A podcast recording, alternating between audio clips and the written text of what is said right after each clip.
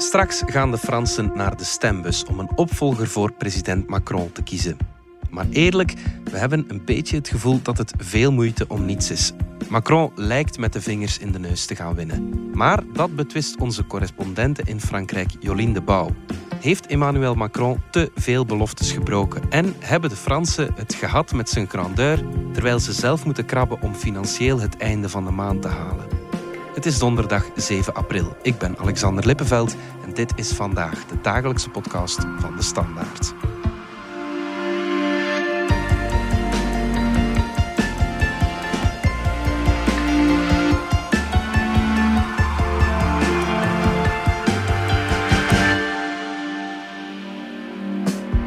Jolien de Bouw vanuit Frankrijk. Hij zegt het wel mooi, hè? Macron.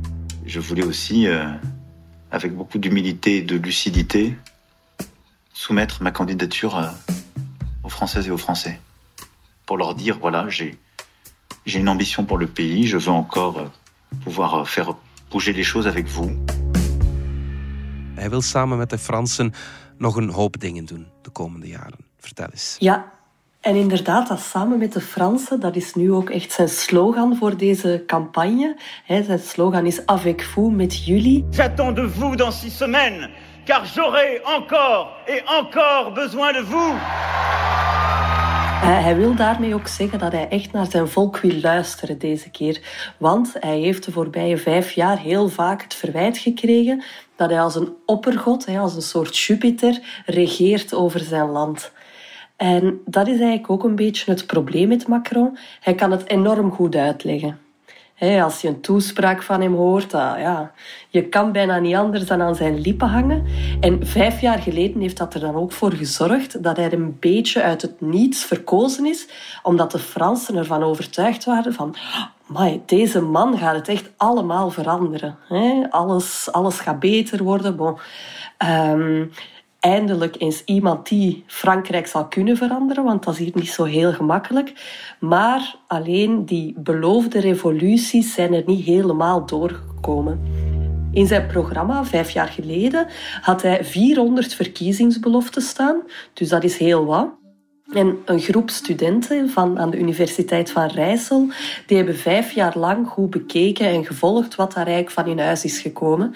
Uh, ze noemden dat dan de Macronometer. En die staat nu op 171 gehouden beloften van die 400. 125 zijn helemaal niet, uh, niet doorgegaan. En dan zijn er nog een paar die, gedeeltelijk zijn, uh, zijn ingevoerd. En van sommigen is het ook moeilijk te zeggen. 171 op 400. Het is natuurlijk niet slecht, hè, 171 uh, beloften kunnen, kunnen uitvoeren. Maar dat is niet echt een revolutie. Een revolutie niet, maar je kan inderdaad niet zeggen in een, in een land als Frankrijk dat dat heel erg weinig is. Wij zijn natuurlijk notoire positivisten. Jolien, vertel eens wat hij, wat hij wel gedaan heeft dan. Ah, wel, hij heeft de vermogensbelasting afgeschaft. Dat was toch wel een grote belofte van hem, hè? de rijke tax.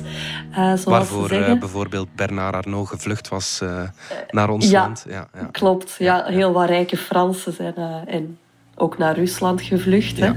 Hij heeft ook de schoolplicht ingevoerd vanaf drie jaar. Sinds kort mogen Franse lesbische koppels en alleenstaande vrouwen ook baby's krijgen. Bon, dat waren een paar van die grote beloften die hij heeft kunnen waarmaken. Mhm. En dan tijdens corona heeft hij ook echt wel dat kostuum van staatshoofd aangetrokken. Hè. We hebben hier drie keer een best wel strenge lockdown gehad. En uh, Macron stond toen volop in de vuurlinie. Uh, maar hij wist tegelijk wel echt het vertrouwen van zijn volk te winnen. Mhm. Zijn populariteit was toen echt bijzonder hoog. Hè. De vorige presidenten hebben nooit die populariteit gekend. En dan na corona, ook een beetje tijdens corona, heeft hij er ook echt wel voor kunnen zorgen dat de Franse economie niet heel geschonden was. Mhm. Hij noemde dat dan zijn quoi qu'il en coûte filosofie. Hij heeft dus miljarden 240 om precies te zijn, gepompt in de meest getroffen sectoren. Ja. Uh, bon, Macron was natuurlijk onder Hollande minister van Economie. Dat is echt zijn dada. Uh, dat heeft hij dus echt aangepakt. De werkloosheid is gedaald. In 2017 was dat best wel hoog, 9,6 procent. Nu is dat 7,4 procent. Dus ondanks corona toch, uh, toch wel uh, interessant.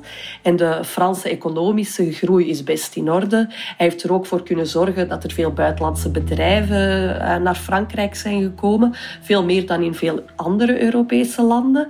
Het is ooit wel anders geweest. Hij heeft eigenlijk Frankrijk op zijn manier echt wel hot gemaakt. En Jolien, de voorbije weken zagen we Macron ook meermaals die grandeur van Frankrijk uitdragen. Hij was de man die met Poetin heeft onderhandeld tot, ja, tot het bittere eind. Et donc j'ai dû euh, ce matin euh, parler au président Poutine longuement, puis au président Zelensky essayer d'agir. Speelt dat dan ook in, uh, in Frankrijk? Ja, wel, eigenlijk zelfs niet alleen de grandeur van Frankrijk, maar de grandeur van heel Europa. Hè. Macron is altijd een overtuigde Europeaan geweest. Uh, je herinnert je misschien ook zijn overwinningstoespraak van vijf jaar geleden. Met, hè, met de ode aan de vreugde. Dat, ja. ja. inderdaad, ja. langs de piramide van het Louvre. Het Europees volkslied.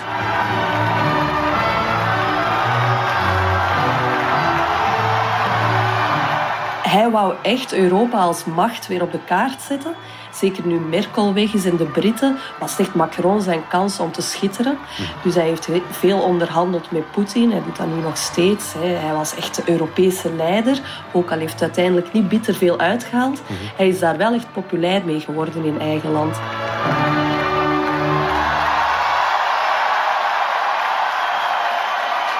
Maar dat effect lijkt nu een beetje uitgewerkt, net ja. voor de verkiezingen. En het feit dat hij door die focus op Rusland en Oekraïne amper campagne heeft gevoerd, dat kan hem nu wel eens zuur opbreken. Want hij zet wel zijn eigen grandeur tijdens bijvoorbeeld zijn verkiezingscampagne ook graag in de verf. Hè? Ja, zeker. Uh, ik ben naar zijn verkiezingsshow geweest en ja, dat, dat was wel ongelooflijk. Uh, Amerikaanser krijg je ze niet. Er was een team ambiance. Hè. Dat was een soort cheerleaders, de spionkop van een gigastadion moest bemannen. Uh, die jongens en meisjes die, die waren aan het schreeuwen alsof ze de Beatles of Taylor Swift gingen zien. Okay. Er was ook een, een zaalopwarmer die een Mexican Wave door de zaal heeft laten gaan. De hele regering en ook Brigitte Macron deden dan enthousiast mee. Uh, wanneer de lichten uitgingen, moest iedereen het lampje van zijn gsm aansteken. En dan was er een zee van dansende lichtjes. Er was ook een soort van Super Bowl kisscam. Dus uh, ja, bref, een, een hele show. En dan, wanneer Macron opkwam, van tussen het publiek natuurlijk, schoot er allemaal gouden vuurwerk de lucht in. Hij houdt echt van, wel van een beetje show en hij is er echt niet vies van om zichzelf in het middelpunt van de belangstelling te, te zetten. En wordt dat geapprecieerd in Frankrijk? Want ik, ik, ik zie premier De Croo dat bijvoorbeeld uh, niet doen omdat hij heel veel kritiek al ziet aankomen vooraf. Uh. Ja, nee, nee, nee. In Frankrijk wordt dat best wel geapprecieerd, die show. ja. ja. ja. Je zei het al, vorige keer, vorige verkiezingen had hij 400 nieuwe beloftes. Zijn er nu ook bepaalde dingen waar hij inhoudelijk dan mee wil uitpakken? Ja, hij belooft nu dus naar 0% eh, werkloosheid te gaan. Best wel ambitieus. En, en dat is nu eigenlijk al zeer omstreden. Hij wil de pensioenleeftijd optrekken van 62 naar 65 jaar. Dat is natuurlijk heel gevoelige materie hier in Frankrijk. Ja. Uh, hij is daar vorige keer ook serieus mee in de problemen gekomen met zijn pensioenhervorming. Um, maar bon, hij is er echt van overtuigd dat harder en langer werken de oplossing is. En daarnaast legt hij ook terug heel hard de nadruk op Europa. Hè, van de rol van Frankrijk binnen Europa, een sterk Europa. Dat is echt ook zijn, uh, zijn ding. Op, de, op zijn event wordt er ook evenveel met Europese vlaggen gezwaaid als met Franse vlaggen. Dus dat is echt wel heel belangrijk voor hem. Maar het bezielt lang niet alle Fransen wat hij doet. Waar zijn de Fransen dan wel mee bezig? Wel, we zien nu dat Marine Le Pen enorm hard gestegen is in de peilingen. Mm-hmm. En dat komt grotendeels door haar focus op koopkracht. Zij scoort daar echt mee. Dus dat is wat de Fransen echt bezighoudt. Dat blijkt ook uit peilingen. Avec les prix du gaz, de l'électricité, du fuel, plus personne n'ose ironiser. Le pouvoir d'achat, c'est la grande question du quotidien. Et j'y apporte des réponses immédiates. Présidente, je descendrai la TVA sur l'ensemble des produits énergétiques, gaz, électricité, fuel, carburant, de 20 à 5,5. En Macron die is altijd een beetje elitairder geweest. Hij is een oud bankier en door veel mensen wordt hij echt gezien als de president van de rijken. Bon, hij heeft dat intussen ook wel begrepen. En hij focust nu heel hard op sociale thema's. Heel strategisch allemaal natuurlijk. Hij wil het minimumpensioen omhoog. Elke werknemer zou een belastingvrije bonus moeten krijgen van 6000 euro. Dat is niet min. Hij wil serieus gaan investeren in de gezondheidszorg, in het onderwijs. Meer aandacht voor kinderen tout court. Meer steun voor alleenstaande ouders. Dus dat zal hij ook echt wel nodig hebben om een zo breed mogelijk spectrum aan kiezers te kunnen overtuigen en eigenlijk echt een blok te kunnen vormen tegen Le Pen, die die koopkracht als haar thema echt helemaal heeft naar zich toe kunnen trekken. Ja, inderdaad. Maar zeggen we niet elke vijf jaar van oh, pas op, Rassemblement National kan winnen? Ja, dat is inderdaad niet de eerste keer nu. Hè. Maar wat eigenlijk een heel groot verschil maakt nu, is dat die partij de voorbije vijf jaar serieus heeft ingezet op een aaibaarder imago. Hè. De de-diabolisering noemen ze dat dan de klassieke thema's, zoals de Franse nationaliteit, natuurlijk anti-immigratie en zo, zijn in interviews en in toespraken van Le Pen helemaal naar de achtergrond verdwenen. Nu is het echt de prijs van het leven. Ik ben de beschermster van jullie koopkracht, de beschermster van het volk, van de gewone families. Ze is nu gewoon ook heel goed lachs. Veel goed lachser dan vijf jaar geleden. Ze is veel minder kwaad. Dat hebben natuurlijk wel andere kandidaten van haar overgenomen dat kwaad zijn. En er zijn nu best wat Fransen, zelfs met allochtone roots, die voor Marine Le Pen willen stemmen. Want die koopkracht waar zij zich zo op vastpint, weegt veel zwaarder door dan het racisme dat ze een beetje minder in haar discours pompt, terwijl dat wel nog steeds in haar programma staat. Een van die kwade stemmen is misschien wel Erik Zemmour we hebben hier al eens gezeten met een collega van jou. Toen leek het dat die stemmen oprecht zou massaal zou verzamelen tot en met de familie van Marine eh, Le Pen, Marion Maréchal, haar nichtje. Ja, mhm. Hoe is zijn missie gelopen? Wel, hij heeft inderdaad wel heel wat stemmen en eigenlijk vooral ook heel veel manschappen van het Rassemblement National naar zich toe kunnen trekken. En dat heeft Le Pen serieus doen bibberen. Maar uiteindelijk is Zemmour toch een klein beetje mislukt in zijn opzet, want hij heeft dat niet weten vol te houden. Mhm. Ook met de oorlog in Oekraïne heeft hij echt de volle lading gekregen, hè, omdat hij zo'n Poetin-liefhebber was. Ja. Le Pen trouwens ook, hè, maar die heeft dus de aandacht kunnen afleiden door opnieuw te focussen op die koopkracht. En Zemmour is nu in de peilingen helemaal in vrije val. Natuurlijk niet dat hij niets meer voorstelt, hè? absoluut niet. Mhm. Maar de kans dat hij die tweede ronde haalt, is echt wel klein geworden. Ja, oké. Het gaat nu al een tijdje over koopkracht. Dat is natuurlijk een echt links thema. Bestaat links nog in Frankrijk? Dus de linkse die hebben inderdaad dat thema niet naar zich kunnen toetrekken. Toch zeker de socialistische partijen niet. Die liggen echt volledig in de lappenmand. Die zitten nog maar op 2 procent. Ja. Uh, maar Mélenchon van La France Insoumise wel. En die is ook weer echt aan het stijgen in die peilingen. En zijn aanhang gelooft nu ook echt dat hij het deze keer kan halen. Dat is een uiterst linkse partij, zijn ja, partij. inderdaad. Hij is uiterst links, uh, een beetje populist. Ja, ja, ja, oké. Die koopkracht was eigenlijk al van bij het begin van het presidentschap van Macron een issue. Hè.